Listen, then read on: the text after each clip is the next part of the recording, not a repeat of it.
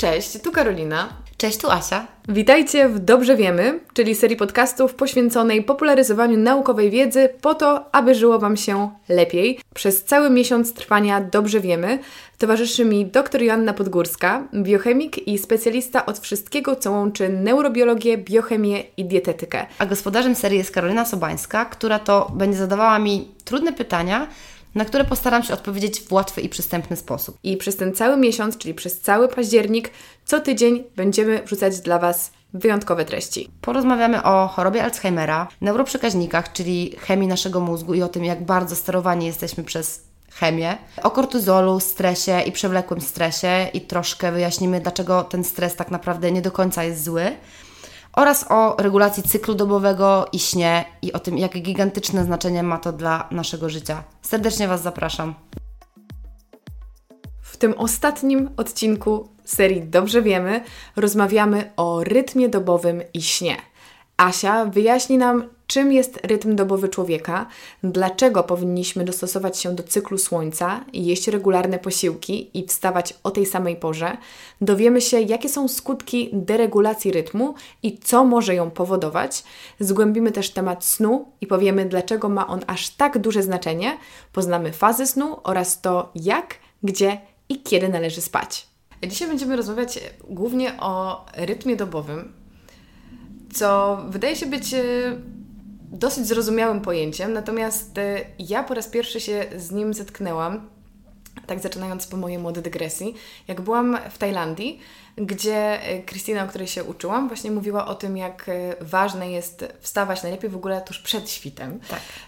i, i kłaść się spać wtedy, kiedy zaraz po zmroku. Mhm. I w tym moim rytmie tajskim to rzeczywiście było fajne, bo tam przez cały rok praktycznie te dni są tak samo długie i to jest, y, one trwają zazwyczaj właśnie 12 godzin, 12 godzin jest ciemno, więc jest to naprawdę taki, takie zdrowe, zdrowy podział i przez cały rok można się tego rytmu powiedzmy trzymać, ale no mieszkamy w Polsce, mhm. więc ciekawi mnie jak ważny jest rytm dobowy dla nas tutaj na tej szerokości geograficznej.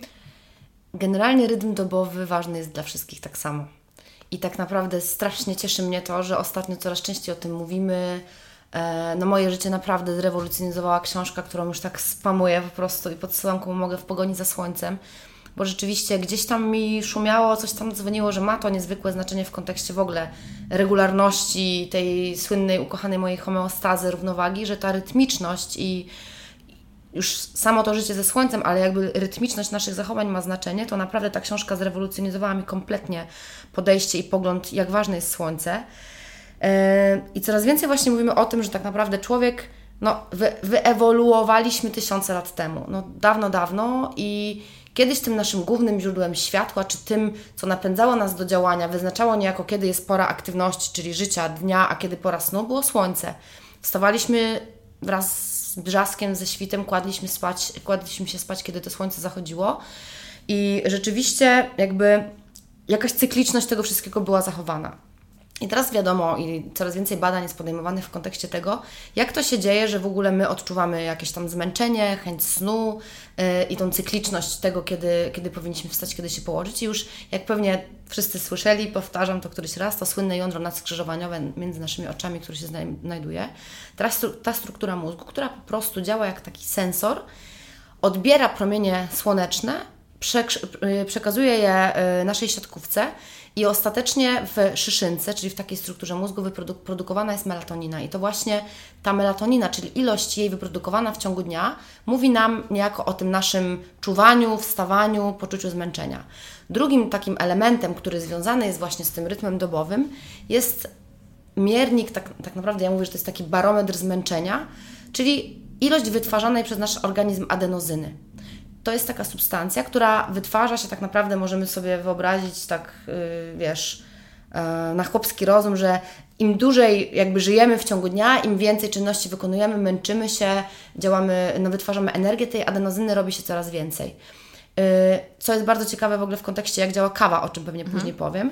Natomiast to są takie elementy, które rzeczywiście e, jakby w jakiś stopniu nastrajają nas w kontekście działania, wstawania i funkcjonowania z, w ciągu 24 godzin, czyli słońce i wytwarzanie melatoniny i to poczucie zmęczenia, czyli wytwarzanie adenozyny przez, e, przez nasze komórki.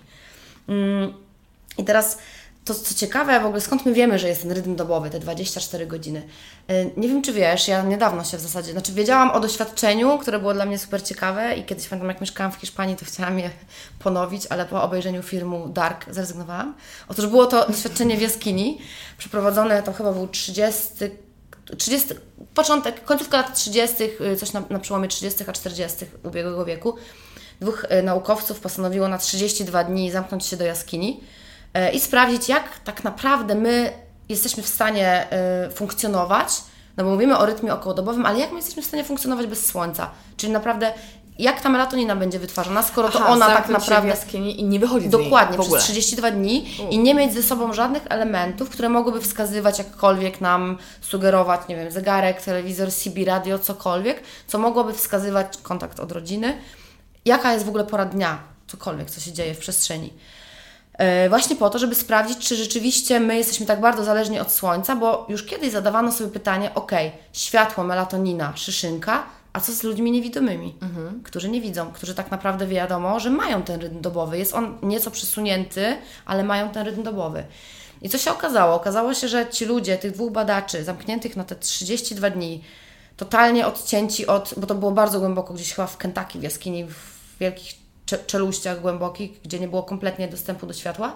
Okazało się, że mimo tego, że tego światła tam nie było, byli oni w stanie funkcjonować około 24 godzin. To znaczy, że to był cały czas taki cykl 15 około godzin czuwania i 9 godzin snów. Właśnie mówimy, dlatego się mówi rytm okołodobowy, mhm. bo to było około 15 godzin y, czuwania, 9 godzin snu, z angielskiego circadian rytm. Chodzi o to, że właśnie wiemy już, że mimo tego braku słońca, to może się dziać w naszym organizmie. Później wyszło na jaw również, że nasze organizmy tak naprawdę mają tak zwane Zeitgebery, Wydaje mi się, że Zeitgeber to z niemieckiego, tak?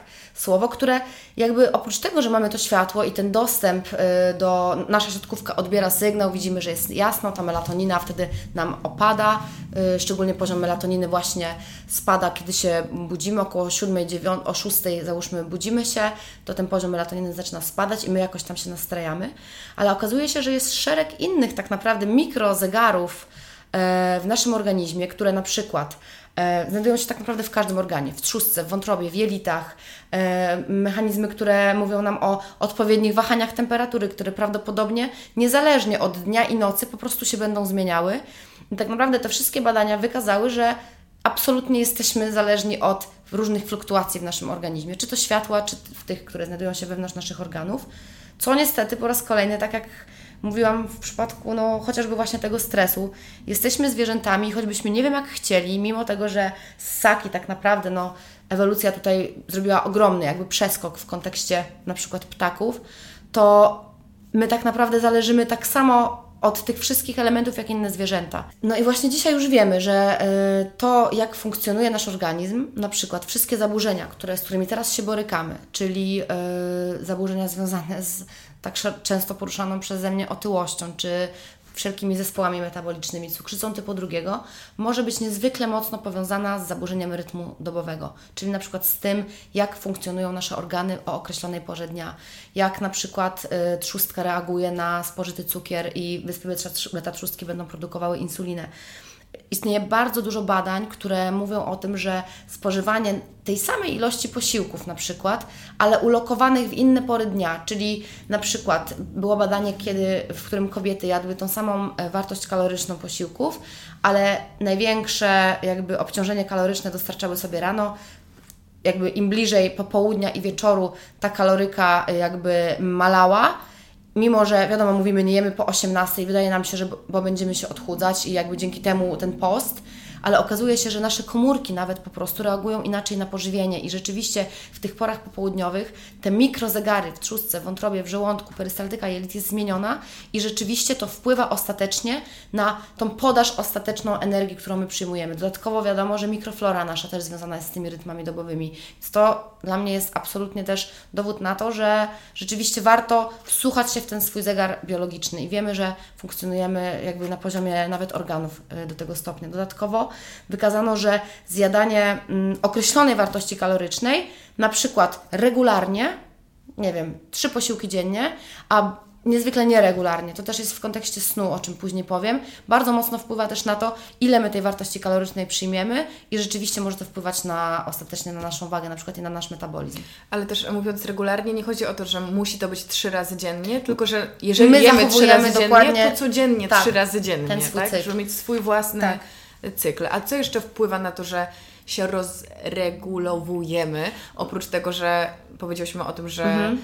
to wstawanie, nieregularne jedzenie, co jeszcze? Przede wszystkim na pewno jakby stres powoduje tą dysregulację, ale stres w takim kontekście, że rzeczywiście wstajemy rano. Pierwsza rzecz jest taka, że mało kto z nas rzeczywiście wstaje z wschodem słońca i patrzy na przykład na to słońce, a wiadomo, że to niebieskie światło, bo jakby wraz ze światłem słonecznym dochodzą do nas fale i niebieskie i podczerwone. I obecnie wiemy już, że te fale podczerwone, które są właśnie w czasie świtu i w czasie zmierzchu, tak jakby zachodu słońca, są dla nas niezwykle korzystne, o czym się nie mówi. Teraz troszkę jest też taki hype na to światło podczerwone, żeby nawet sobie światło infrared mieć w domu. Ja jeszcze tutaj grzebię w badaniach i nie do końca jestem takim optymistą, że to podczerwone światło jest takie super jakby wyizolowane światło podczerwone jest korzystne. Natomiast rzeczywiście to światło w czasie wschodu słońca i zachodu jest bardzo korzystne dla naszego organizmu. Niesamowicie mocno podkręca nam metabolizm, usprawnia funkcjonowanie mitochondriów, czyli tych struktur, które są w naszych komórkach, takich no, fabryk energetycznych. Wiadomo, że nasza insulinowrażliwość, czyli to, jak Ty strawisz, no, strawisz, no, pochłoniesz te węglowodany, co dobrego Ci z nich jakby dla Twojego organizmu będzie, zależy od tego, Jak przyswoisz. jak przyswoisz, dokładnie, dzięki za, za tutaj lag w pamięci. Jak przyswoisz, zależy od tego, na przykład, czy zjadasz posiłek na świeżym powietrzu, śniadanie rano, kiedy dociera do Ciebie niebieskie światło razem z czerwonym. Bo my, zamykając się w tej chwili w pomieszczeniach, non-stop jesteśmy narażeni na światło niebieskie. Światło niebieskie, które, tak jak mówiłam w kontekście kortyzolu, na przykład wybija nas z snu wieczorem. I ciągła ta ekspozycja na to światło niebieskie bardzo mocno nas rozregulowywuje w kontekście rytmu dobowego, szczególnie wieczorem. Dlatego, że niebieskie światło wieczorem, ta ekspozycja, wpływa na spadek wytwarzanej melatoniny, czyli my po prostu nie będziemy, tak jak cykl by na to wskazywał, e, byli śpiący. Dodatkowo było super fajne badanie niedawno opublikowane, wydaje mi się, że w PLOS ONE, czyli w takim journalu, któremu ja niesamowicie jakby wierzę w kontekście e, wiarygodności, czy to statystyki, czy przeprowadzonych prób, kiedy to wykazano, że zdrowe osoby, które, czyli zdrowe mam na myśli nie chore na cukrzycę typu drugiego, z prawidłowym poziomem insuliny, insulinowrażliwe, które poddawano, y, jakby dawano im do spożycia posiłki, byli oni bardzo mocno wystawieni na ekspozycję światła niebieskiego. I rano, i wieczorem e, przy kolacji. Okazało się, nie jestem pewna już jak długo trwało to badanie, oczywiście mogę znaleźć do niego e, konkretne referencje w PubMedzie, natomiast to, co chcę powiedzieć, to to, że zdrowe osoby zaczęły rozwijać insulinooporność przez spożywanie posiłków, na przykład przy ciągle przy świetle e, niebieskim, czyli przy tym sztucz- sztucznym nasłonecznieniu, nas, no właśnie nie nasłonecznieniu, przy sztucznym świetle. Jak bardzo to wpływa na glikemię, na poziom glukozy. Ale tutaj, czy to się odnosi po prostu do ekranu, czy też do światła? O, o, chodziło o światło, które mamy też, e, światło sztuczne. oświetlenie w tak, domu. oświetlenie LED i na przykład po- to było też tak, że y, bardzo duża ilość ekspozycji na tablecie, na komórkach, generalnie jak to wpływa na chociażby nasz metabolizm i naprawdę tutaj jakichś takich niedowiarków odsyłam www.pubmed.com czy NCBI, jak sobie wpiszemy, że właśnie światło e, LED, światło niebieskie, blue screen i insulin sensitivity czy glikemia, jest mnóstwo badań na ten temat, więc to bardzo, bardzo mocno w tej chwili jest ugruntowane. Ale też e, warto zwrócić uwagę, że świat się zorientował, że jest takie zagrożenie i już domyślnym ustawieniem w iPhone'ach Tak, jest to, jest- że to światło jest blokowane. Dokładnie. Można sobie y, założyć, jakby skorzystać z tej aplikacji, która jest super, uważam, na e, ten, ten blok światła niebieskiego. Również są takie nakładki, więc chodzi mi o to, żeby war, warto, żeby zwrócić uwagę, że rzeczywiście to światło niebieskie, które jest samoistne, bo w świetle słonecznym ono jest razem z tym podczerwonym, jest dla nas szkodliwe. I tutaj jakby największe takie pokłosie tego wszystkiego, myślę, że odzwierciedleniem tego są, jest praca zmianowa. I tutaj badania, które są podejmowane w tym kontekście, no właśnie z, między innymi w książkach w pogoni za słońcem mi to tak nakreśliło, ja potem zaczęłam troszkę sobie w tym grzebać mocniej. Wiadomo już, że pracownicy zmianowi, niestety szczególnie mocno dotyka to kobiety, ale dotknięte są otyłością, cukrzycą typu drugiego. Y, generalnie wzrasta u nich dużo bardziej ryzyko pojawienia się chorób krążenia, depresji. Wszystko to tak naprawdę w związku z tym, że ta melatonina nie może być wytwarzana w momencie, w którym powinna być, bo nasz organizm, tak jak pokazało doświadczenie jaskiniowe, doskonale wie, że w tym momencie nasze organy, cały nasz rytm dobowy działa w tą stronę, aby nas usypiać, jakby żebyśmy my teraz nie działali, żeby nasze narządy nie wytwarzały soków trawiennych w przypadku żołądka, czy żeby ta perystaltyka była zwolniona. I bardzo mocno widać to na, e, na pracownikach zmianowych. E, I prowadzono szereg doświadczeń, w których wykazano, że może tak, pojawiła się już w 1987 roku taka korelacja pewnych badaczy, która wskazała, że Dziwnym trafem w krajach takich y, wysoko uprzemysłowionych jest większa zapadalność na nowotwory piersi. I zaczęto szukać, czy to jest dieta, czy to jest kwestia socjoekonomiczna, pieniądze. I jakby wspólnym mianownikiem do tego wszystkiego było to, że są to miejsca, w którym częściej jest podejmowana praca zmianowa w fabrykach. I okazało się, że rzeczywiście tak jest, że melatonina, która nie jest wytwarzana w odpowiednich pikach, w odpowiedniej ilości w przypadku osób y, podejmujących pracę zmianową, niesamowicie mocno skorelowana jest z nowotworem piersi u kobiet, dlatego że melatonina działa jako anty, działa antykancerogennie. Mhm. Okazuje się, że mniejszy poziom melatoniny bardzo mocno koreluje z rozwojem e, nowotworów piersi. Jest to też mocno związane z estrogenami u kobiet i w tej chwili już wiadomo, że tak jest i nawet WHO gdzieś tam krąży, nie wiem jak teraz wygląda ten status, ale do zakwalifikowania pracy zmianowej jako jednego z czynników kancerogennych. Co więcej, w Danii, z tego co wiem, chyba 2007 czy 2008 rok, zaczęto wypłacać odszkodowania kobietom podejmującym pracę zmianową, jeżeli rozwinęły nowotwór piersi. Czyli jakby wiemy, jak mocno jest to, jest to skorelowane. Tutaj szczególnie e, taki gen mm, PER2, akurat konkretnie ten gen, e, stwierdzono, że polimorfizm tego genu, który związany jest z regulacją cyklu dobowego, był zmieniony u kobiet, które zapadały na raka piersi. Zresztą Nobel z medycyny i fizjologii dwa lata temu, 2017, czyli to byli badacze, którzy w działali w kontekście tych wszystkich elementów molekularnych yy, związanych z cyklem dobowym, między innymi badali ten gen, yy, w skrót per od period i wykazali, jak mocno jest to skorelowane. Więc no myślę, że to są elementy, które po prostu są niezaprzeczalne. Tak samo w przypadku spożywania właśnie posiłków nieregularnie, yy, o pewnych porach takich nienaturalnych dla naszego organizmu, no później pokłosiem tego są te wszystkie choroby metaboliczne, o których mówiłam, czyli widzimy jakie to ma, jakie to ma znaczenie. Powiedziałaś o pracy zmianowej, ale wiesz co mnie ciekawi, czy na przykład weekendy mhm. nie są trochę taką naszą pracą zmianową? Jaki to ma wpływ? Że nawet jeżeli wstajemy na tę samą godzinę od poniedziałku do piątku, ale w sobotę w niedzielę zupełnie inaczej funkcjonujemy, czy to też nam Wiesz jakoś co, zaburza? jakby tutaj w kontekście, bo tutaj mówimy o pracy zmianowej w kontekście światła stricte, mhm. prawda? Tutaj mówię o melatoninie i o tym, że rzeczywiście nasz organizm działa jak powinien spać, etc. Natomiast wykazano i coraz więcej mówi się o tym, że w ogóle nasze życie jest w pewien sposób tak bardzo rytmiczne i zmianowe, że nie wiem, cykl menstruacyjny to 28 dni i koniec, tak? Że częstotliwość skurczu serca też to jest określony czas, że yy, nie wiem, yy, o określonej porze na przykład nasze ciśnienie krwi wzrasta lub maleje. Mówi się nawet o tym, że pewne rzeczy, które mają miejsce w naszym życiu, mają cykliczność tygodniową. Mówi się coraz częściej o tym, że incydenty sercowe, to po pierwsze wiemy, że mają miejsce zazwyczaj rano, bo jest to związane właśnie z cyklem pracy serca i zmian ciśnienia, ale na przykład są częściej w poniedziałki.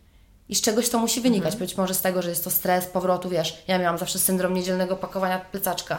Mama mhm. oglądała Dr. Queen, czy tam na dobre i na złe, i to już był dla mnie znak, o Boże, trzeba pakować plecak, i człowiek idzie już z tym stresem, z, jak jest taka tydzień. cykliczność. Dodatkowo czytałam też takie, nie wiem na ile badania, na ile takie przesłanki, że większość surowych wyroków, na przykład podejmowanych jest przez sędziów w poniedziałki. Czyli widzimy, jak bardzo my jesteśmy cykliczni i ta, to, to przyzwyczajenie nasze mimo byśmy chcieli, żeby tak nie było, mhm. tak mocno objawia się. Co więcej, ja jestem strasznie zafascynowana ostatnio, to się nazywa w ogóle cyklem bólu czy chronofarmakologią, która tak naprawdę zaczyna badać mechanizmy, które mogą wpływać, że ok, pewne leki będziemy podawać o określonej porze, bo perystaltyka jest taka a taka, bo nie wiem, jest więcej soków żołądkowych, czy na przykład y, tempo przepływu krwi jest inne i na przykład już dzisiaj wiemy, że ze względu na wchłanialność aspiryna czy NLPZ, czyli wszystkie niesteroidowe leki przeciwzapalne. Ibuprom, Nurofen lepiej przyswajalne są rano.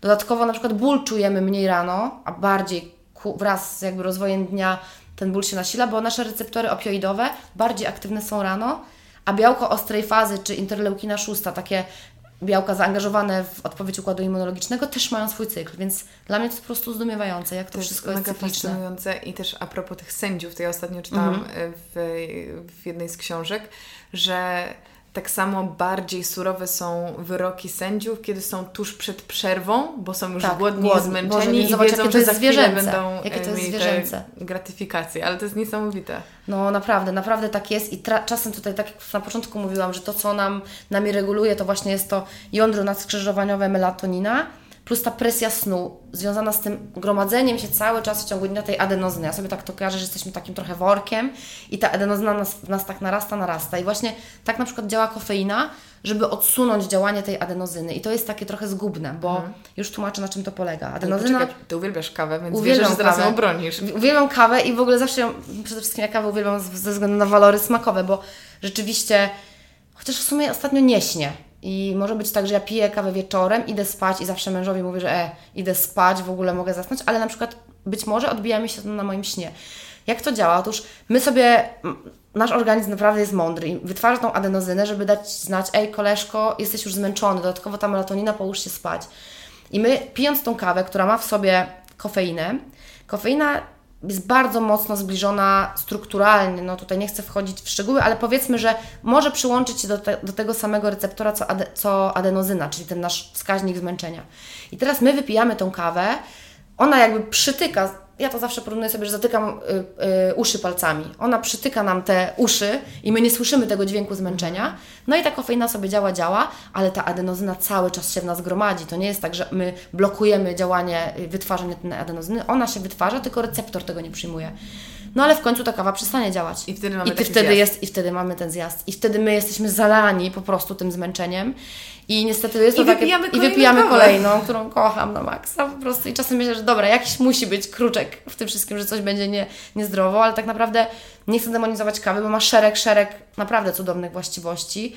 Tylko tutaj, żeby zrozumieć, jak to działa. Dlatego właśnie, jak ja na przykład mówię, że a, wypijam sobie kawę wieczorem i to na mnie nie działa, to tak jak mówiłam w poprzednim naszym nagraniu, My czujemy efekt kawy około po godzinie, natomiast ten właśnie okres jej półtrwania, czyli kiedy połowa cząsteczek ulegnie rozpadowi, to jest te 7 godzin.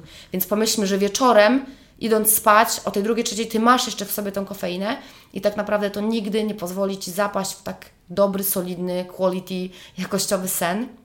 Mówi się, że 8 godzin dobrego snu wystarcza, żeby tą adenozynę nam całkiem z tego mózgu wyrzucić. Więc myślę, że to jest takie ciekawe w kontekście tego, że ten organizm nam cały czas coś pokazuje, to jest cykliczne, a my a, przytykamy go tą kawą.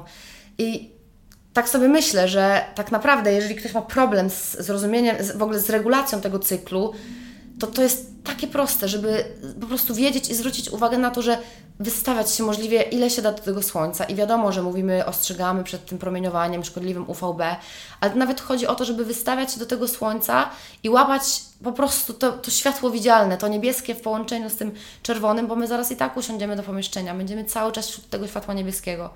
Więc w sumie chyba to nie jest trudne. A jeszcze powiedz mi takie kwestie jak na przykład podróże. O Boże, jetlag. No tak, to na maksa rzeczywiście nas rozregulowywuje i tutaj super, zapomniałabym o tym, a to jest tak ważne coraz więcej badań podejmowanych w kontekście stewardess i pilotów. Niestety, mhm. niestety, mimo że praca wydaje się może być fajna i, i na pewno jest interesująca pod wieloma względami, to wykazano i też już są na to jakby twarde dowody, że po pierwsze mają oni tak zaburzenie rytm dobowy i objawia się to i stresem, i stanami depresyjnymi i bardzo wiele osób, nawet szczupłych, zmaga się z insulinoopornością. Natomiast w kontekście mojego ukochanego mózgu liczne badania, które pokazują tak zwaną atrofię hipokampa, to co mówiłam, czyli zaburzenia pamięci, obkurczenie tej struktury i po prostu objawia się to takimi zdolnościami poznawczymi. Tak wpływa jetlag. I możemy sobie stosować melatoninę, która część, często stosowana jest rzeczywiście, jeśli mówimy o zaburzeniach snu. Tylko pamiętajmy, że melatonina to jest tak jakby. Ona rozpoczyna tą kaskadę snu. Ona daje znać, ej, organizmie idź spać. I ona może pomóc w jetlagu, bo rzeczywiście tu jest dysregulacja. Natomiast w chronicznych problemach ze snem melatonina nie pomoże, bo ona daje ten sygnał, ale na przykład w bezsenności może nie pomóc, bo to już jest inne spektrum. Natomiast w jetlagu jak najbardziej tak. I warto wiedzieć, że to pewnie jak przejdziemy może do, trochę pogadamy sobie o śnie, że taka, taka dysregulacja i taka przesunięcie tych stref czasowych, szczególnie gdy latamy z zachodu na wschód, mhm. to jest zawsze trudniejsze, bo wtedy musimy po prostu siłą rzeczy położyć się wcześniej. To jest, myślę, że ja, ja swój jetlag z Filipin czy z Tajlandii to odsypiałam chyba, w cudzysłowie odsypiałam przez tydzień, bo tak naprawdę już wiemy, że nie da się tego złego, co się wyrządziło, już tam odespać. Mm, jest to trudne. Natomiast można, wiem, że są metody, jakby przestawianie zegarka o odpowiedniej porze, czy jakby zmuszanie się chociażby tą melatoniną do pójścia spać wcześniej, to już nie będę się nad tym rozwodzić, ale tak, jetlag to zbiera trochę żniwo później po prostu. Ja słyszałam ostatnio właśnie, że, że w ogóle umówmy się, ewolucyjnie, no jetlag to jest jakaś super nowość, tak? tak? Ludzie no, nie pokonywali takich Znowu wracamy do korzeni. Zwróć uwagę, Więc, że znowu tak. zataczamy koło, jakie to jest Jest to dla nas dzisiejsze. totalnie nienaturalne, to po pierwsze. A po drugie, ostatnio słyszałam właśnie, że dobrym sposobem y, na walkę z jetlagiem jest y, jedzenie posiłków w tej porze, gdzie jedzą to ludzie dokładnie, w strefie tak. czasowej, do której akurat przylatujemy. Tak, dokładnie tak, tak jak mówię. Naprawdę, głowa głową, to jądro nadskrzyżowaniowe to jedno i to światło, natomiast jest świetna praca z Nature, takie review, które mówi o tych zegarach dobowych wszędzie i rzeczywiście staramy się wtedy jakby siłą rzeczy trochę zmusić i przestawić ten organizm, żeby funkcjonować tak jak te nasze narządy. Dlatego też paradoksalnie z drugiej strony ta praca zmianowa jest tak szkodliwa, bo wtedy działamy, kiedy nie powinniśmy, chodzimy, kiedy powinniśmy spać. I wiadomo, tutaj też nie, nie będę demonizowała i mówiła, no ojej, to teraz ktoś zada pytanie, no to nie pracujmy zmianowo. Tak jest, tak być musi, ktoś musi spać, żeby ktoś mógł pracować i odwrotnie.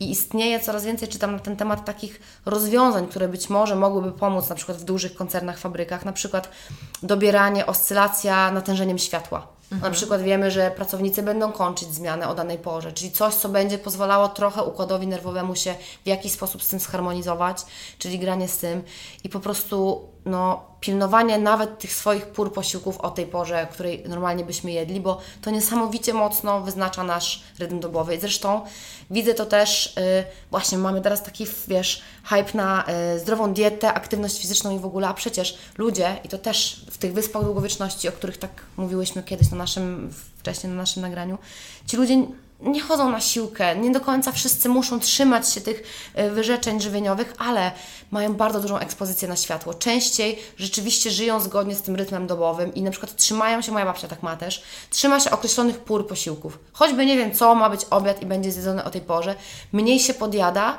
i jakby rzeczywiście zaczyna się czuć ten swój organizm, plus je się na przykład na świeżym powietrzu, tak jak mhm. mówiłam, ta melatonina, y, jakby ładnie słońce nam to wszystko reguluje, dodatkowo promienie słoneczne dają nam też tą serotoninę, więc reguluje nas to do działania.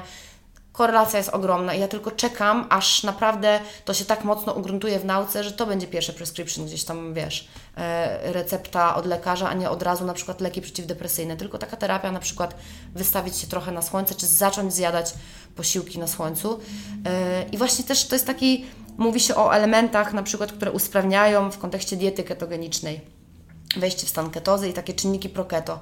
No to na przykład właśnie bardzo duża regulacja cyklu dobowego, która usprawnia glikemię, bo tam wiadomo, że walczymy z tym, aby ten cukier był stosunkowo niski, a te ciała ketonowe były wysoko i to jest jeden z elementów, więc no myślę, że petarda, wiedza, która teraz tak naprawdę do nas wychodzi i jest taka dosyć pop, bo jest łatwo, łatwo to zrozumieć. Tutaj nie mhm. musimy wchodzić głęboko w te wszystkie procesy, żeby zrozumieć, jakie to ma znaczenie i po drugie to też nie jest tak jak ze skomplikowanymi przepisami, że musimy mieć rzeczy, których nie mamy w kuchni. My to wszyscy mamy. No, mamy, mamy słońce, mamy jedzenie, ale co z tym snem? No właśnie, i to jest clue, tak naprawdę element kluczowy.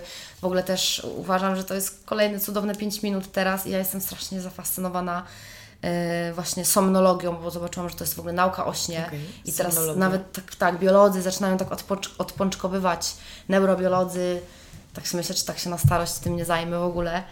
E, no i w ogóle to jest, to jest super ciekawe zagadnienie i jakby ostatnio z niesamowicie ciekawego wykładu e, doktora, e, Boże, Boże, Boże, żebym nie zapomniała, Prusakowskiego z WPS-u, którego bardzo, bardzo lubię, dowiedziałam się, że tak naprawdę w ogóle zagadnienie snu i pojęcie snu to było już w czasach, wiesz, starożytnych, chociażby, nie wiem, w starożytnej Grecji, nie wiem, wyrocznia delficka służyła nam do tego, że to, co Ci się przyśni, jakby sen totalnie ma odzwierciedlić y, jakieś przepowiednie. Mhm. Czyli jakby mam nadzieję, że mój dzisiejszy no, sen mi się nie spełni, bo tak, miałam, miałam straszny sen.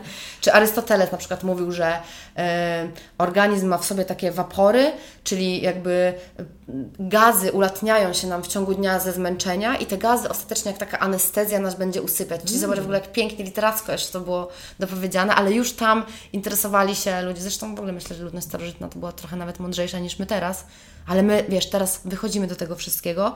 I właśnie Freud też mówił, tak, że sen to jest po prostu klucz człowieczeństwa, że ludzie jako pomijając fakt, że ssaki już śnią, ale ludzie, tak naprawdę te nasze sny są tak kolorowe i tak naprawdę prawdopodobnie wskazują bardzo mocno na naszą podświadomość i prawdopodobnie są po to, abyśmy nie zapomnieli o naszych pierwotnych instynktach, czyli nie wiem, ktoś nas goni, uciekamy, jakieś wiesz, elementy, które na co dzień może nie do końca się z tym wszystkim spotykamy, ale mają w jakiś sposób zbodźcować nasze neurony czy sieci neuronalne, żebyśmy po prostu kolokwialnie nie zapomnieli. No i to jest, wiesz, już, już taka zajawka, jakby jakie to ma znaczenie dla naszej ludzkości i człowieczeństwa. Natomiast rzeczywiście yy, absolutnie wiemy, że nie ma też, że sen to jest jakby podstawowy element też w kaskadzie, która prowadzi do chorób i zarazem jest kluczowy dla wszystkich zachodzących w organizmie procesów. I czy to tutaj mówimy o tworzeniu neuroprzekaźników, jakby zacznę od neuro, czyli na pewno wiemy, że tworzenie neuroprzekaźników, dla, dlatego jest kluczowy sen, o którym zaraz pewnie myślę, że powiem o, o fazach snu, bo to jest ważne, żeby to rozróżnić i zrozumieć, ale i tworzenie neuroprzekaźników, i, i czyszczenie mózgu, tak zwany. Mm, Wiemy, że w naszym organizmie działa układ limfatyczny, tak? który zbiera te wszystkie brudy, zarazki, wirusy, jakieś e, elementy uszkodzonych komórek i oczyszcza nasz organizm, na przykład w trakcie choroby, tak? Mamy powiększone węzły chłonne, to jest po prostu odpowiedź organizmu. To wiemy już teraz, że w mózgu działa tak zwany układ glimfatyczny, czyli działa on przede wszystkim wtedy, kiedy śpimy, kiedy noradrenalina jest nisko, to nasze komórki glejowe mogą zacząć tam pompować, zwiększa się przestrzeń e, śródnaczyniowa i zbieramy właśnie innymi złogi beta-amyloidu, jakieś źle pofałdowane białka z mózgu i oddajemy go do naszej chłonki. I tu mówię w kontekście tego dlatego, że wiemy, że jednym z elementów rozwoju choroby Alzheimera jest deprywacja snu na przykład. Ludzie, którzy nie dosypiali, którzy źle spali. Nie mówię o osobach, które mają taki chronotyp, czyli na przykład są z kowronkiem i śpią krótko, ale o takich, którzy nagle zafundowali sobie duże deprywacje snu, jest to rzeczywiście coś, co predysponuje na przykład do uszkodzenia mózgu. Oprócz tego wszystkie nasze procesy myślowe, to, że myśli, myślimy trzeźwo, że nie mamy tak zwanego tego brain fogu, mgły mózgowej, mocno są skorelowane w ogóle z, ze snem. Yy, I tak naprawdę, no, mimo tego, że będziemy łykać medykamenty, czy pić tą kawę, o czym mówię, zatykać sobie tą adenozynę, to dzisiaj wiemy, że tak naprawdę no to jest klucz. To powiedz, jakie są fazy snu, mhm. ile trwają i czemu służą? Mhm. Czy wszystkie są nam zawsze potrzebne? Tak, teraz już też wiem, że absolutnie nie można tu powiedzieć, co jest ważniejsze i rzeczywiście tak, jest szereg jakby różnych, e, że tak powiem, e, Boże, podziałów czy klasyfikacji, ale jakbym tak się miała skupić funkcjonalnie, co jest ważne, no to Przede wszystkim wyróżniamy fazę snu NREM, czyli Non-Rapid Eye Movement, czyli ta, ta faza snu, w której nie ruszamy, nie ruszamy gałkami e, ocznymi na boki i to jest tak zwana faza snu głębokiego i fazę snu REM, w której właśnie obserwuje się ten bardzo gwałtowny ruch gałek ocznych i to zostało zaobserwowane z tego, co mi się wydaje u małych dzieci. E, w ogóle, no bo wiadomo, badacze po prostu jak robili przeważnie doświadczenia, to po prostu podpinali coś tam do głowy i wychodzili, no bo kto by myślał, żeby patrzeć na osobę, która śpi. Tymczasem okazało się, że im, patrzeć tak, patrzeć, zamknięte patrzeć oczy. zamknięte oczy, dokładnie. I chyba pewnie jakiś przypadek, jak to zwykle, nie wiem, z odkryciem penicyliny, czy jakichś genialnych e, rzeczy zdarzyło się przez przypadek, zaobserwowano, że istnieją fazy aktywności mózgu, w której po pierwsze niesamowicie zmienia się ta częstotliwość, a po drugie coś się dzieje z gałkami ocznymi. No i właśnie, tak jakby wracając do początku. Najpierw mamy fazę snu, taką, która nas wycisza, generalnie pomaga w zasypianiu i zasypiamy, wchodzimy w to. To, jest, tak, to są tak zwane fazy snu alfa, które tak jak mówiłam właśnie też często mówi się, że w medytacji trochę te fazy alfa nasz mózg potrafi wejść na, na taki stan wyciszenia yy, i wejścia w, w, sen. No i potem zaczyna się faza snu NREM, czyli tam, gdzie nie mamy ruchów gałek ocznych i ona składa się z czterech faz. Jest to faza, która tak naprawdę, jeżeli patrzy się na aktywność naszego mózgu, jest totalnie, powiedzmy, mózg jest w fazie spoczynku. I mamy te cztery fazy. Trzecia, czwarta faza to jest faza snu głębokiego, w której śpimy najgłębiej, najmocniej i najwięcej procesów takich istotnych dla naszego mózgu ma znaczenie. I co tam się dzieje? Otóż wiadomo, że jakby w tej fazie snu możemy powiedzieć, że wszystkie wspomnienia, czy to, co się działo w ciągu całego dnia, to jest taka, wiesz, starta, sterta jakiegoś materiału, który dłutem będziemy po prostu sobie obrabiać.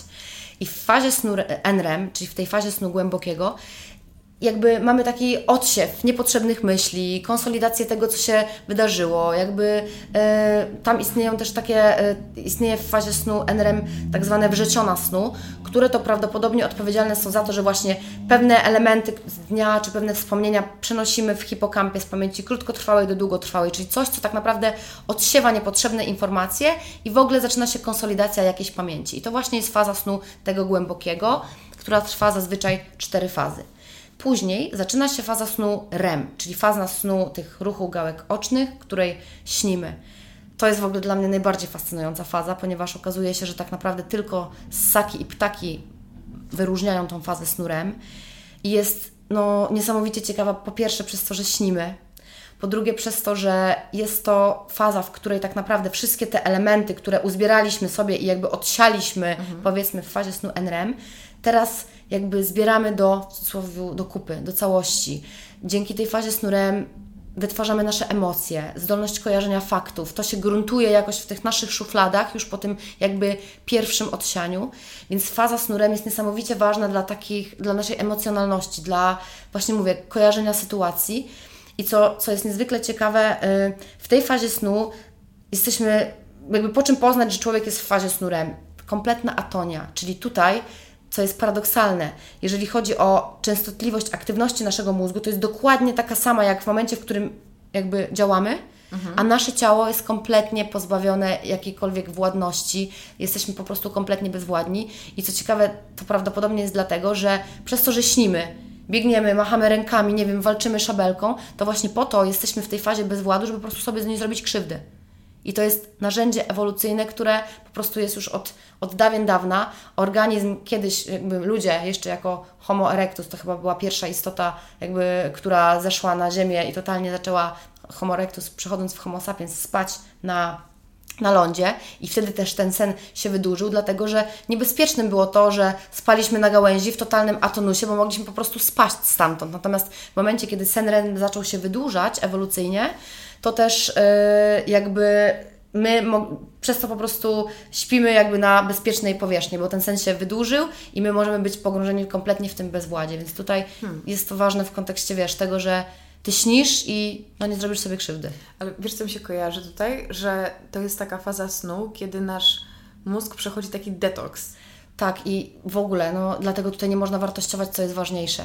Mhm. Mówi się, że po pierwsze REM rzeczywiście jest bardzo ważny dla emocjonalności, dla łączenia tych faktów, tego takiego prawdopodobnie, jeżeli nie mamy fazy snu REM, czyli na przykład czyli tego śnienia, tego śnienia to trudniej nam jest podejmować logiczne decyzje. I nie bez kozery mówi się tak, że prześpi się z czymś.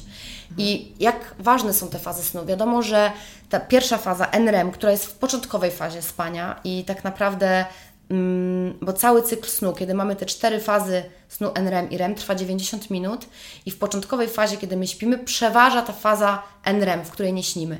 Natomiast im, natomiast im dłużej śpimy, im więcej godzin trwa nasz ten sen, to na korzyść fazy REM. Dlatego też mówimy, że jeżeli budzimy się w ciągu nocy, czyli jeszcze jesteśmy w fazie NREM, to jest bardzo niekorzystne dla nas, bo jakby nie mamy tych wrzecion snu i nie idzie ta, y, jakby nasze wspomnienia idą do pamięci długotrwałej. Natomiast jeżeli śpimy za krótko i na tym dostaje, że tak powiem kolokwialnie, nasz sen REM, bo na przykład śpimy za krótko, a ten sen REM jakby no powiedzmy dominuje w, dłuższy, w dalszej fazie snu, to wtedy też ma to nie, bardzo duże znaczenie niekorzystne dla naszych emocji, dla takiego zapamiętywania i kojarzenia faktów, więc tutaj ciężko powiedzieć, co jest mhm. ważniejsze. Ale też jest o tyle mega ciekawe, że na przykład jest taki dzień, kiedy jesteś strasznie zmęczona, mhm. był to mega wysiłkowy dzień i często mówimy, że spałam jak zabita, bo po prostu no, nic mi się nie śniło, że po prostu tak potrzebowałam tego wypoczynku, a moim zdaniem teraz po wysłuchaniu Ciebie to mhm. oznacza, że okej, spałam jak zabita, ale ewidentnie spałam za krótko, bo byłam tak zmęczona, że te fazy nie zdążyły dojść do tej fazy mówi. REM, Dokładnie tak się mówi. więc nie zdążyłam Tak. śnić, dlatego że jeszcze nie, zregenerowa- nie zregenerowałam się. Znaczy mówi się tak, że najlepiej jest spać wielokrotność, o tym też już chyba kiedyś wspominałam, tych 90 minut, kiedy mamy ten pełen cykl, ponieważ wiadomo, że najbardziej wyspani, budzi, znaczy jakby wyspani budzimy się i tacy gotowi do działania, łatwiej nam jest się po prostu wejść w życie, kiedy obudzimy się w fazie snu REM. Dlatego, że jest to faza snu, tak jak mówiłam, mimo że paradoksalnie nie mamy poczucia swoich mięśni, jesteśmy bezwładni, to aktywność mózgu mamy dokładnie taką samą jak w czasie czuwania. Jeśli obudzimy się w fazie snu REM, to po prostu łatwiej nam jest wejść i działać. Czasem nawet może nam się wydawać, że jesteśmy niewyspani, bo spaliśmy 10 godzin, ale w nieodpowiedniej porze być może się obudziliśmy. Dlatego też zobacz, po raz kolejny ta cykliczność. I znowu w śnie widzimy, jak mocno, jakie, jakie mocno to ma znaczenie. Ale 90 minut trwa całość? 90 minut trwa ten cykl, powiedzmy fazy NREM, czterech faz i fazy REM. I potem zaczyna się kolejny cykl, Okej. czyli kolejna faza snu głębokiego NREM, ta, ta czteroelementowa powiedzmy. I właśnie w tej fazie snu no gorzej jakby jest się obudzić. Natomiast Boże, naprawdę, takie uzmysłowienie sobie, że szukanie tych perfect pill i w ogóle to jest, to jest jedno, natomiast brak snu, czyli właśnie to, że i tu nawet nie chodzi o to, że musimy spać dziennie te 12 godzin czy 8, tylko zachować też tą regularność, bo naprawdę badania wykazują, że osoby, które śpią 6 godzin, ale cały czas śpią 6 godzin, czyli po prostu mają taki chronotyp. Chronotyp, czyli genetycznie po prostu my jesteśmy skowronkami albo sowami. No właśnie, bo chciałam zapytać, mówi się często, że e, 8 godzin snu od 22 do 6, absolutnie dla każdego, To jest taki ale jakby, wiesz, no, ide, ideolo bym powiedziała. Okej. Natomiast wiedzmy i zdajmy sobie sprawę, że rzeczywiście tutaj mocno uwarunkowane jest to genetycznie. Ja na przykład jestem skowronkiem, rzeczywiście działam od 5 rano powiedzmy, o 22 jestem już kompletną dętką, że tak powiem. I jest to chron- chronotyp jest uwarunkowany genetycznie i na, na przykład są też sowy, tak? Osoby, które później się rozkręcają i rzeczywiście ten chronotyp y, jakby ma znaczenie. Natomiast o, o co mi chodzi w kontekście regularności? O to, że lepiej już jest spać. Jeśli tak masz, tak czujesz i to nie jest tak, że zarywasz noc, tylko Ty zawsze śpisz te 6-7 godzin, ale jest to dla Ciebie regularne, niż spanie raz 12, raz 5, raz 8. Tu też były badania, które wykazały, że nieregularność w spaniu to akurat było na podstawie 5 godzin, że konkluzja była taka, że zawsze 5 godzin jest szkodliwe, ale dużo szkodliwsze było to, jeżeli te 5 godzin było nieregularnie, czyli raz 12, raz 5, później 8. Znowu tutaj cukrzyca, insulinooporność i, i po prostu takie ogólnie zmęczenie. Natomiast to, żeby zdać sobie sprawę, jak ta deprywacja snu i ten brak snu jest, jest szkodliwy, to nie wiem, można powiedzieć, że spanie 5 godzin, takie badania w Anglii były prowadzone, było równoznaczne z takim poczuciem naszego mózgu i samopoczuciem jak po spożyciu alkoholu, który już jest jakby niedozwolony. Jesteśmy tacy dizzy, wiesz, w prowadzeniu auta na przykład. No, ja powiem Ci, że ostatnio miałam taką sytuację, że zupełnie nie, y, nic nie piłam. Byłam na nogach bardzo, Mhm. bardzo długo, w sensie po prostu byłam z znajomymi, ale nie wypiwszy nic. Spałam naprawdę mało, położyłam się nad ranem i czułam się jak po grubej imprezie. No właśnie. I widzisz, na przykład tutaj sobie mogłaś zabrać tą fazę REM chociażby, prawda? Chociaż nie, położyłaś się później. Położyłaś się później, no to no właśnie, chodzi o cykliczność, ale też właśnie tutaj chodzi mi o to, że jeżeli my na przykład budzimy, kładziemy się późno, a wstajemy za wcześnie i myślimy, dobra, urwałam tylko godzinę z tego snu, ale może urwałam tą fazę REM, która jakby była kluczowa, wiesz. Dlatego też coraz więcej mówi się o tym takim społecznym jetlagu, niedopasowaniu ludzi do tego, jak żyje świat. Na przykład wiemy, że te chronotypy wraz z wiekiem się jakoś tam zmieniają. Na przykład, że osoby starsze, tutaj też się dewaguje, czy to jest zmienność taka po prostu let it be i tak musi być, czy jakieś zmiany na przykład, które dzieją się w mózgu mogą na to wpływać. Natomiast osoby starsze wykazują ten chronotyp taki, że śpią krócej, wstają wcześniej. Też są, a na przykład nastolatkowie mm, potrzebują tego snu więcej. Ale to może też być związane na przykład z tym, że starsze osoby często są na emeryturze, więc już nie chodzą do pracy i może też są mniej zestresowane. Wiesz co, dwie teorie na to w ogóle czytałam. Pierwsza była taka, że ewolucyjnie tak naprawdę nie demonizujemy, bo to jest super, bo kiedyś ludzie żyli w dużych jakby grupach i to było cudowne rozwiązanie, żeby część na przykład stada mogła spać, żeby, a druga część stada wstawała i nas pilnowała. I tak się zaczęłam nad tym zastanawiać, że rzeczywiście. Warto. I często było tak, że właśnie ludzie, ludzie żyli, ludzie, ludzie żyli w rodzinach wielopokoleniowych, gdzie były osoby starsze, gdzie były, nie wiem, osoby w wiesz, kwiecie rozrodczym, wojownicy szli spać wcześniej, a te starsze osoby na przykład stały na warcie. Podobnie jest w przypadku, tutaj powiem w ogóle, ptaków, które na przykład śpią tak, że tylko część ptaków śpi całkiem, a druga część śpi jedną półkulą. Bo okazuje się, że kiedy my czuwamy, to teraz taka dygresja, ale fajne badania czytałam, że na przykład w hotelu, kiedy śpisz lub w miejscu, które nie do końca dla Ciebie jest takie, wiesz, przyjazne, to w fazie snu NREM, czyli w fazie snu głębokiego, wiadomo, że śpimy na przemian dwiema półkulami niezależnie. Śpisz na przykład jedną półkulą, druga czuwa. Mhm. I w ogóle wiesz, tak w kontekście tego, dlaczego starsze osoby, mówię, to są tylko hipotezy, ale daję taką ding, zajawkę, że fajnie by pośledzić, poczytać coś na ten temat.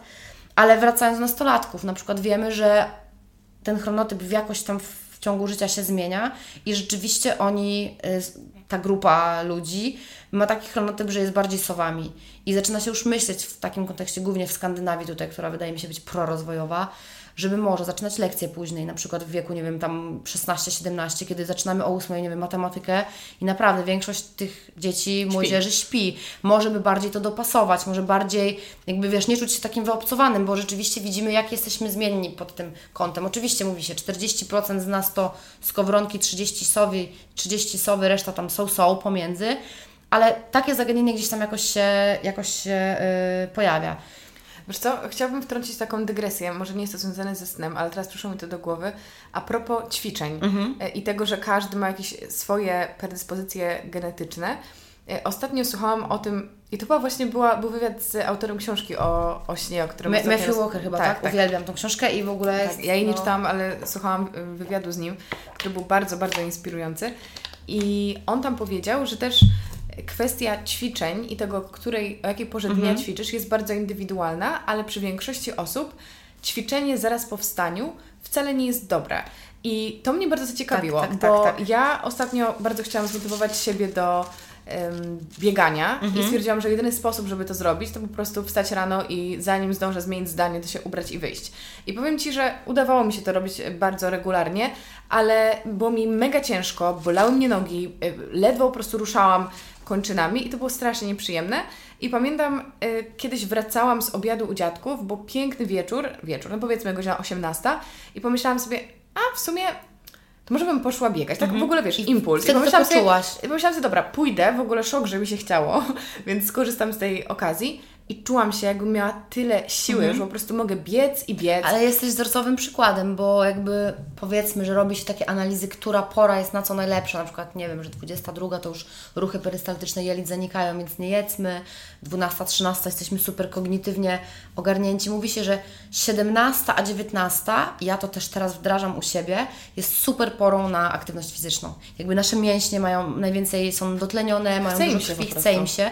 I rzeczywiście, no, słuchajmy siebie. Ja też tak mam czasem po prostu, dobra, odbębnie to bieganie, odbębnie tą jogę, odbębnie ten trening rano, a nie do końca wtedy czuję się rozciągnięta, nie do końca czuję się, wiesz, że to jest ten, e, ten moment. Natomiast no, myślę, że to wszystko warto mieć na uwadze i w takim, wiesz, swoim kontekście indywidualnym do tego podejść, nie?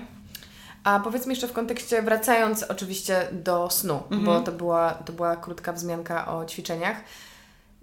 Czy jest, y, są jakieś takie zasady, jak spać, jak mhm. sobie tę jakość snu podwyższać? Wiadomo, że pewne, jakby nasz grafik dnia nie zawsze jest zależny od nas. Jasne. I moje pierwsze pytanie będzie takie, czy można trochę tutaj pokombinować i na przykład kładąc się spać, mhm. nastawić sobie budzik, chociaż wiem, że z budzikiem też jest, mhm. to jest osobny temat, nastawić sobie budzik na wielokrotność tych 90 tak. minut znaczy, powiem Ci tak, są w ogóle te apki, które, jakby wiem, że tam działa na zasadzie chyba żyrometru, czy tam ruchów, badania i w ogóle, które budzą Cię o określonej porze. I ja tak się zawsze zastanawiam, bo to jest dla mnie już taka ingerencja mocna, że nie wiem, mhm. iPhone leży mi ko koło mnie, emituje na mnie tak, 100 tych fali, no, to jest fajne. No. Poza tym, na ile to do końca śledzi mój sen, a sen mojego męża, który śpi obok, więc też nie do końca temu ufam. I rzeczywiście no, naj, najfajniej, najszczęśliwiej by tak było. Natomiast to, co Ci mogę powiedzieć, żeby wiesz, przestawić się i żeby coś mnie budziło z tą wielokrotnością. Tylko no mówię, ja na przykład, oczywiście jak mam ważne wydarzenie, nie wiem, konferencja, coś nastawiam budzik, ale ostatnio naprawdę z ręką na sercu zauważyłam, że budzę się za dwie siódma, dzień w dzień i tak ustawiłam sobie po prostu zawsze zegarek i sama się budzę. I wiem, że to brzmi trochę jak szamanizm jakieś po prostu, ale odkąd sobie wieczorem, codziennie przed spaniem mówię dwie rzeczy. Pierwsza, że w ogóle jestem osobą, która nie śniła, to znaczy nie pamiętała snów. Mówi się też często o tym, że osoby, które nie pamiętają snów, to są osoby po jakiejś traumie, po jakichś ciężkich przeżyciach. lub po czymś, co mocno im utkwiło w pamięci, rzeczywiście, że układ limbiczny tak się wykształci, że mogą nie pamiętać snu. Natomiast jak widać, można to odczarować, bo ja mówię sobie o tym, że będę pamiętała sny i pamiętam te sny, naprawdę. Dzisiaj zresztą Ci opowiadałam, że Mhm. tylko staram się je od razu zaraz zapisać, bo to jest tak, że mam przy łóżku i zapisuję. Druga rzecz jest taka, że naprawdę czuję moment w życiu, w którym bardzo jestem sama w sobie uregulowana. Naprawdę jem te, wiesz, wiesz że jestem na IF-ie, więc jakby posiłki to jedno. Czuję, że te moje organy jakby gra, to wszystko gra i budzę się, mam ten awaryjnie nastawiony budzik, ale budzę się sama. Więc jakby i czuję, i mam, i budzę się w śnierem, bo czuję, że budzę się w trakcie snu. Ale oczywiście myślę, że można skorzystać sobie z takich narzędzi, żeby spróbować, zobaczyć nawet, wiesz, self-case study zawsze dla mnie to jest złoty standard. Zobacz, jak Ty się będziesz czuła, bo to też nie chodzi, żeby być więźniem i po prostu, wiesz, tylko żeby mieć nawet świadomość, że jak jestem niedospany i też takie czytałam to już bardziej z psychoanalizy, że ludzie często mają tendencję wstać i po prostu powtarzać sobie, ale się nie wyspałem, nie wyspałem się. Zostaw to już, przestań to powtarzać. Generalnie im bardziej Nie to wtłaczasz, się. Twój mózg powie, że się nie wyspałeś. To znowu jest, wiesz, psychasoma. E, tak, ale też przełóżmy to na takie bardziej praktyczne realia. Większość osób wstaje do pracy Mhm. Tak. o określonej porze, Więc- to jest szósta, piąta, siódma i pomyślałam sobie, że kładąc się spać na przykład o 23, Mhm. liczymy sobie tą wielokrotność 90 i nastawiamy budzik na to, co jest najbliższe naszej Tak. godzinie wstania. A, absolutnie zacząć tak. To może nie zrozumiałam. Na maksa tak. Na maksa z tym okiem, takim okiem. Oknem 30 minut nawet, bo też wiem, że te wszystkie apki typu Sleep, coś tam e, tak działają, że budzą Cię o tej porze powiedzmy na podstawie częstotliwości Mhm. Twojego oddechu czy coś. Tak, jak najbardziej. Wybudzenie się w fazie snu REM, kiedy tak jak mówię, aktywność Twoich fal mózgowych jest taka sama lub nawet 30% większa szacuje się jak w czasie, kiedy Ty działasz, działasz aktywnie, pozwoli Ci od razu wejść, wiesz, jak, jak taka petarda trochę w dzień. Natomiast jak pytałaś o te elementy, które myślę, że są kluczowe dla tego dobrego snu, tak. to wszystko krąży wokół trzech rzeczy. Te elementy, które będą dla dobrego snu, będą też dla regulacji cyklu dobowego, bo jest to niesamowicie mocno skorelowane. To samo będzie dla regulacji kortyzolu i stresu, czyli przede wszystkim niebieskie światło. Czyli to, co mówiłam w przypadku stresu, też w przypadku rytmu dobowego. Starajmy się niwelować tą ekspozycję wieczorem na niebieskie światło. Jeśli już musimy coś zrobić, sprawdzić maila, to załóżmy sobie ten, ten, tą apkę na blue screen, czy po prostu na tę godzinę, dwie nie. A, a słuchaj, a film, telewizor, tak samo? Wiesz co, właśnie, ja to muszę sprawdzić w tym kontekście, bo wiem, że tam są emitowane inne fale w zależności jaki telewizor. Natomiast to jest dobre pytanie i tutaj nie chcę być jakaś, wiesz, gołosłowna. Sprawdzimy i napiszemy napisemy, napisemy. Y, Natomiast to niebieskie światło, żeby mieć tego świadomość i naprawdę korzystać z tego światła czerwonego, które jest w czasie świtu, czasie zachodu słońca, to są naprawdę fajne narzędzia, które mamy, mówię, na wyciągnięcie ręki. E, więc... Nawet mam wrażenie, że takie światło poranne jest trochę jak taka ładowarka. Tak, wystawić, Bo szczególnie to- zimą, bo nie to jest takie mówiłam, cudowne. byłam teraz w Edynburgu, to było w lutym, zrobiłam sobie tygodniowe wyzwanie, że wstaję o 6. No to był, był luty, więc wiadomo, e, Mhm. Ciemno. było dosyć ciemno. Natomiast już świtało, kiedy ja się budziłam niebawem i powiem Ci, że oczywiście ten moment wstania był dosyć e, Mhm. traumatyczny, ale czułam tyle energii. Tak. Od rana, bo otwierałam żaluzję i patrzyłam, że właśnie zaczyna się robić różowo Mhm. i nie mogłam, to było tak magnetyzujące w ogóle patrzeć na to, nie mogłam od, w ogóle wzroku odwrócić i miałam tyle energii od rana, że wbrew pozorom wstałam te kilka godzin wcześniej, a byłam tak naładowana, tak właśnie produktywna i tak chciało mi się robić rzeczy, że polecam. Mhm. No to jest naprawdę uważam, cudowne narzędzie, Boże, i, i takie za free. Wiesz, po prostu możesz to robić wszędzie, więc na pewno to niebieskie światło. E, drugim elementem, tak jak też mówiłam w kontekście, mówiliśmy o stresie i o tym spaniu, że to jest ważne. E, temperatura w sypialni. To jest naprawdę, naprawdę ważne, żeby wietrzyć sypialnię, żeby mieć taką, wiesz, no świeżość, lepiej się śpi w takiej temperaturze i tak jak mówiłam, nie gnieździć się w tym łóżku, kiedy nie chce nam się spać, tylko poczekać, aż ten sen przyjdzie i naprawdę czasem taki jakościowy sen, nawet nam się może wydawać, że 6 godzin spaliśmy, niż 8 godzin wiercenia się zrobi lepiej po prostu ogólnie dla, dla snu, dla, ym, dla naszego organizmu. I tutaj taki, nie wiem, właśnie Karola, ciekawa jestem, co Ty na ten temat sądzisz, bo są różne teorie. Alkohol. Czy Ty myślisz, że właśnie pomaga, czy... Znaczy, trochę o tym czytałam ostatnio, Mhm. więc nie powiem, że to intuicja im podpowiada, ale dużo, się, dużo osób na przykład się tak zachowuje, że ym, lubi spać po alkoholu, mówi, że o, taka lampka wina, tak Cię Mhm. Tak. zmuli i tak dalej, i tak dalej. No, z tego, co ja słyszałam, to jest tak, że y, rzeczywiście łatwiej jest nam zasnąć, ale ten sen jest jałowy i tak naprawdę wtedy się nie dokładnie. regenerujemy. Boże, cudownie nazwać to jałowym. Właśnie tak jest, dlatego że łatwiej jest nam zasnąć, bo to wpływa nam na temperaturę, luzuje nas. Natomiast jeśli chodzi o jakość snu, dokładnie Dokładnie tak, bo alkohol wpływa na fazę REM, czyli na tą fazę snu, kiedy śnimy po pierwsze, po drugie, kiedy jest właśnie taka, wiesz, emocje się tam wszystko lokuje, układa się wszystko w głowie. Naprawdę, no czasem decyzje, których właśnie nie możemy podjąć, to dziwnym trafem rano jesteśmy olśnieni, bo to robi faza REM. Co więcej, tu też badania trwają, więc ja nie chcę, żeby był taki twardy osąd, natomiast wykazuje, wykazano, że po pierwsze, faza snu REM prawdopodobnie dotknięty, jest to element, który ma duży związek na przykład z autyzmem, że Mhm. osoby, które, dzieci, matek, które y, rozwinęły odwrotnie, matki, które spożywały alkohol y, w czasie ciąży, na przykład ciężko mi tu mówić, czy lampka wina. Chodzi o to, że wpływ tego alkoholu, więc tutaj dokopię się do tego. Natomiast te dzieci mogły mieć zaburzoną fazę REM w czasie ciąży, a wiadomo, że nieprawidłowy czas fazy REM, nieprawidłowa częstotliwość fal mózgu wtedy może w jakimś stopniu predysponować do zaburzeń związanych ze spektrum autyzmu, dlatego że w tej fazie snu również ma miejsce synaptogeneza, czyli tworzenie się synaps, czyli tych miejsc, w których działają neur- neuroprzekaźniki. Całe w ogóle przewodnictwo i myślenie ma miejsce. I wiadomo, że w autyzmie część synaps, synaps jest nadpobudliwa, część nie, że tam emoc- emocjonalnie jest dosyć duża mieszanka i duży chaos na tym poziomie i może mieć to związek właśnie z fazą snu REM i na przykład pokłosie spożycia alkoholu, więc ten alkohol wprowadza nas y, w stan rozluźnienia, ale jakość snu Nope, absolutnie to nie W to ogóle nie, raczej niczemu specjalnie dobrze. nie służy, więc tu nie ma co Tak, zachwalać. no. no więc dobra, alkohol. No i kolejna rzecz, tak jak mówiłam o tej zatykającej nam uszy adenozynie, czyli ko- kofeina. Nie, no na pewno nie wpływa to dobrze w tych późnych porach popołudniowych. Ja niestety, ale wiesz co, kupiłam sobie kawę bezkofeinową i piję inkę. Taką zbożową? Taką zbo- zbożową i w ogóle Jakobs też ma lokowanie produktu. No i kolejnym elementem, jak i w przypadku kortyzolu, y, czy właśnie tego chronicznego stresu, czy rytmu dobowego, jest to, abyśmy sobie stworzyli dobre nawyki. Czyli po prostu nie chodzi o to mi i nie chcę być tutaj właśnie hipokrytą w kontekście tego, że e, dieta pudełkowa, czy jedzenie na czas jest złe, tylko to, żeby wykształcić sobie tak jak wykształcamy w sobie złe nawyki, to wykształćmy po prostu dobre. Starajmy się jakby znaleźć swój taki złoty środek, czyli chodzić o określonej porze y, spać, o określonej porze wstawać, y, jakby słuchać swojego organizmu. Wiesz, chodzi o to, że cała ta cykliczność i regularność tak naprawdę no, jest na wyciągnięcie ręki, jeżeli my sobie zadamy pytanie i zaczniemy wsłuchiwać się w swój organizm. Czyli chociażby z tym, żeby najpierw zmuszać się kłaść spać wcześniej, a później rzeczywiście to wchodzi w nawyk. Ja przynajmniej tak mam. A powiesz nam na koniec, e, jak u Ciebie wygląda ta regularność, o której Ty chodzisz spać, o której jesz, podzielić się takimi swoimi co, hakami? Y, Ja mam, mówię, zależy czy mam na przykład w dany dzień ten IF, czyli intermittent fasting, to zazwyczaj No załóżmy, że tak. Dobra, okej, no to muszę zacząć wtedy od kolacji. No powiedzmy, że zjadam ostatni posiłek o 17. E, już sobie potem nic tam nie jem, generalnie nie trenuję też wieczorami.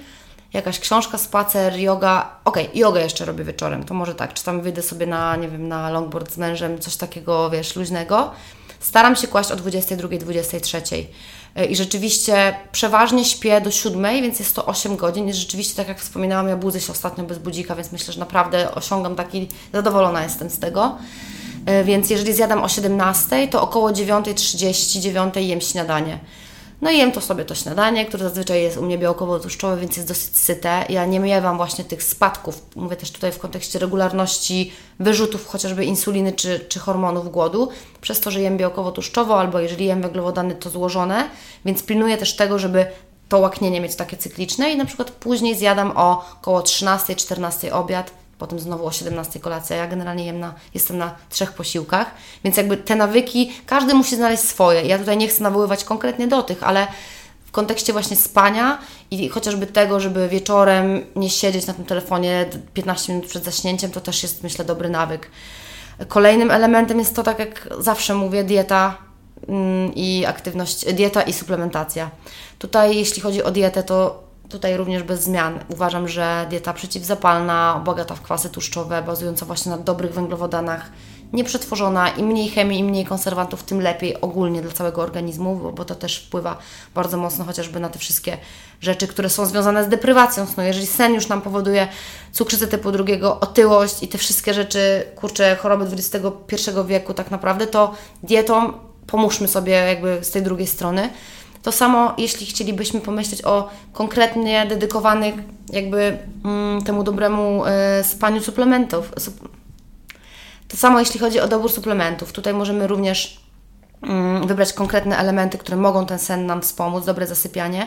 Na pewno jednym z nich jest melatonina, tylko tak jak zaznaczałam, melatonina Przede wszystkim badania już wykazują, że przynajmniej ja nie spotkałam się z takimi, które mówiłyby, że ona uzależnia, czy że jakoś działa niekorzystnie, tylko stosowana rzeczywiście w sytuacji, kiedy my mamy problem z tą regula regularnością, na przykład w momentach jetlagu.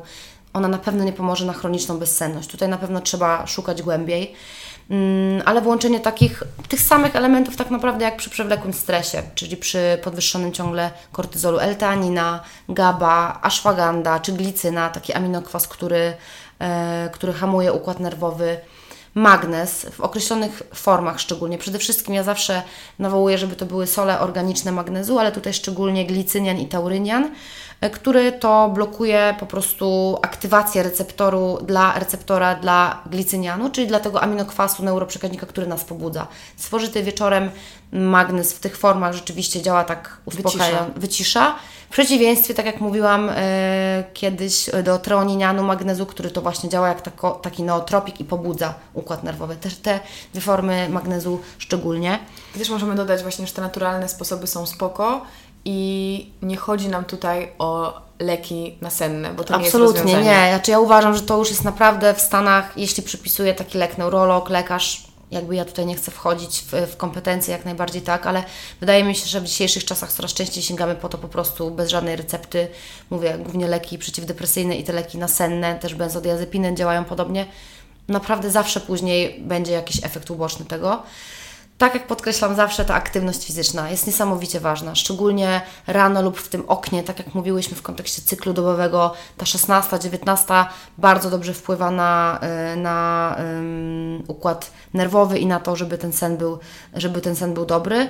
Oprócz tego no, też działa bardzo, bardzo dobrze, nie chcę się powtarzać, ale na, całe, na cały układ nerwowy w kontekście BDNF-u produkowanego czy NGF-u, tych czynników, które dobrze działają na nasz mózg, czyli zapewniają nam równowagę a co za tym idzie też lepszy sen.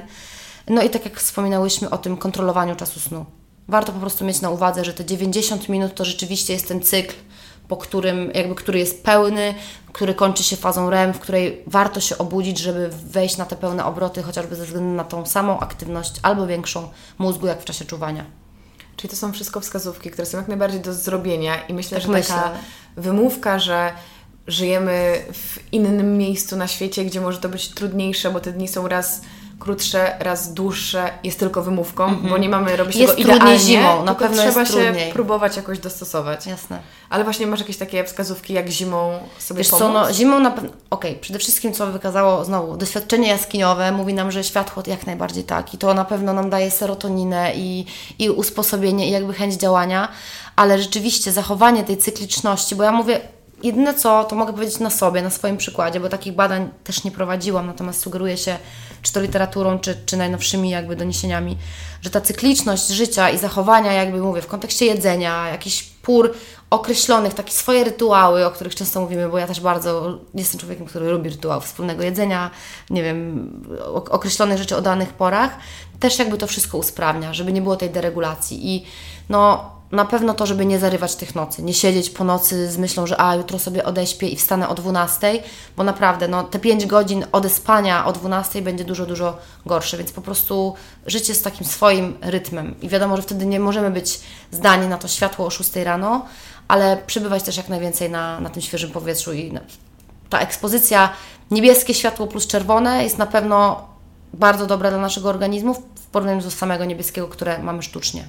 A jeszcze Powiedz mi w weekendy, czy warto trzymać się tego samego cyklu, który mamy, kiedy pracujemy? Wiesz co też, wiesz co też powiem, że porze, ja niestety, to też jest taka moja bolączka, ale ja, no chyba, że nie wiem, poszłam gdzieś wieczorem na jakąś imprezę ze znajomymi, no po prostu po ludzku, no to nie wstaję o siódmej, ale generalnie jeżeli położyłam się spać normalnie, a staram się jakby ten swój rytm życia trzymać, to wstaję o tej siódmej, ósmej, zresztą chodzę o, na dziewiątą na jogę, więc no, w sobotę, więc rzeczywiście mam taki cykl i robię to bez budzika, naprawdę, o dziwo budzę się bez budzika.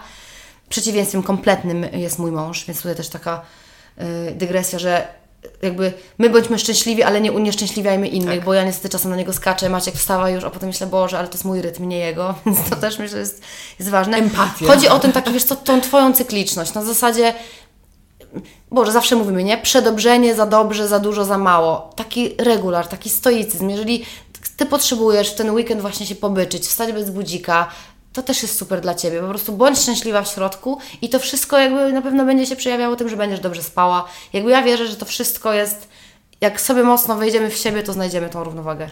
Pięknie to podsumowałaś. Ja wierzę, że to jest na pewno przełomowy i rewolucyjny odcinek i naprawdę ogromna dawka turbo ważnej wiedzy w dzisiejszych czasach. Także dziękuję Ci, Asiu, za Dziękuję to, że się nią podzieliłaś bardzo. i do usłyszenia. Do usłyszenia. Kochani, to był ostatni odcinek serii Dobrze Wiemy i w imieniu swoim i Asi chciałam Wam serdecznie podziękować za to, że byliście z nami. Rozmawialiśmy o stresie, o neuroprzekaźnikach, o chorobie Alzheimera, dzisiaj o śnie i rytmie dobowym i jest nam mega, mega miło, że byliście przez ten czas z nami. Nadal czekamy na Wasze opinie, nasze wrażenia. Też zdaję sobie sprawę, że są osoby, które może właśnie na ten odcinek trafiły jako pierwsze, także oczywiście Was odsyłam do tych poprzednich. To był wspaniały, naukowy i bardzo, bardzo ekscytujący, wyjątkowy dla mnie miesiąc tutaj w podcaście. Piszcie swoje wrażenia, komentarze na Instagramie na Karolina Sobańska Podcast, na Karolina Sobańska oraz u Joasi na Joan Podgorska. Też Wam te linki oczywiście zostawiam. Pod podcastem na YouTubie również porozmawiajmy, wymieńmy się wrażeniami, ale też e, podcast oczywiście jest dostępny na Spotify czy na iTunesie i też przypomnę, że będzie mi bardzo miło, jeżeli zostawicie recenzje i opinie mm, na iTunesie, jeżeli słuchacie na iPhone'ach lub na Waszych Macach. Jest to naprawdę bardzo, bardzo pomocne dla mnie, bo to promuje podcast, sprawia, że trafia do większej ilości osób, a jednocześnie wydaje mi się, że jeżeli coś się nam podoba, to super jest to szerzyć dalej. Moje podcasty nadal będą ukazywały się w każdy poniedziałek o godzinie 7, ale tutaj kończy się seria Dobrze Wiemy. Jeżeli chcielibyście zobaczyć mnie, usłyszeć mnie jeszcze raz w duecie z Asią. Mnie usłyszycie, ale jeżeli chcecie usłyszeć też Asię, dajcie nam koniecznie znać, bo Wasz feedback jest dla nas najważniejszy. Ale jeżeli dotrwaliście do teraz, to mogę Wam powiedzieć, że to nie koniec naszej współpracy i już niedługo będziemy informowały o tym, że szykujemy dla Was coś naprawdę ekscytującego i niezwiązanego z podcastem. Ja jeszcze raz w imieniu swoim i Asi żegnam się z Wami, dziękuję Wam za wysłuchanie tego odcinka i wszystkich innych odcinków i do usłyszenia w podcaście już za tydzień, jak zawsze w poniedziałek o 7. Cześć!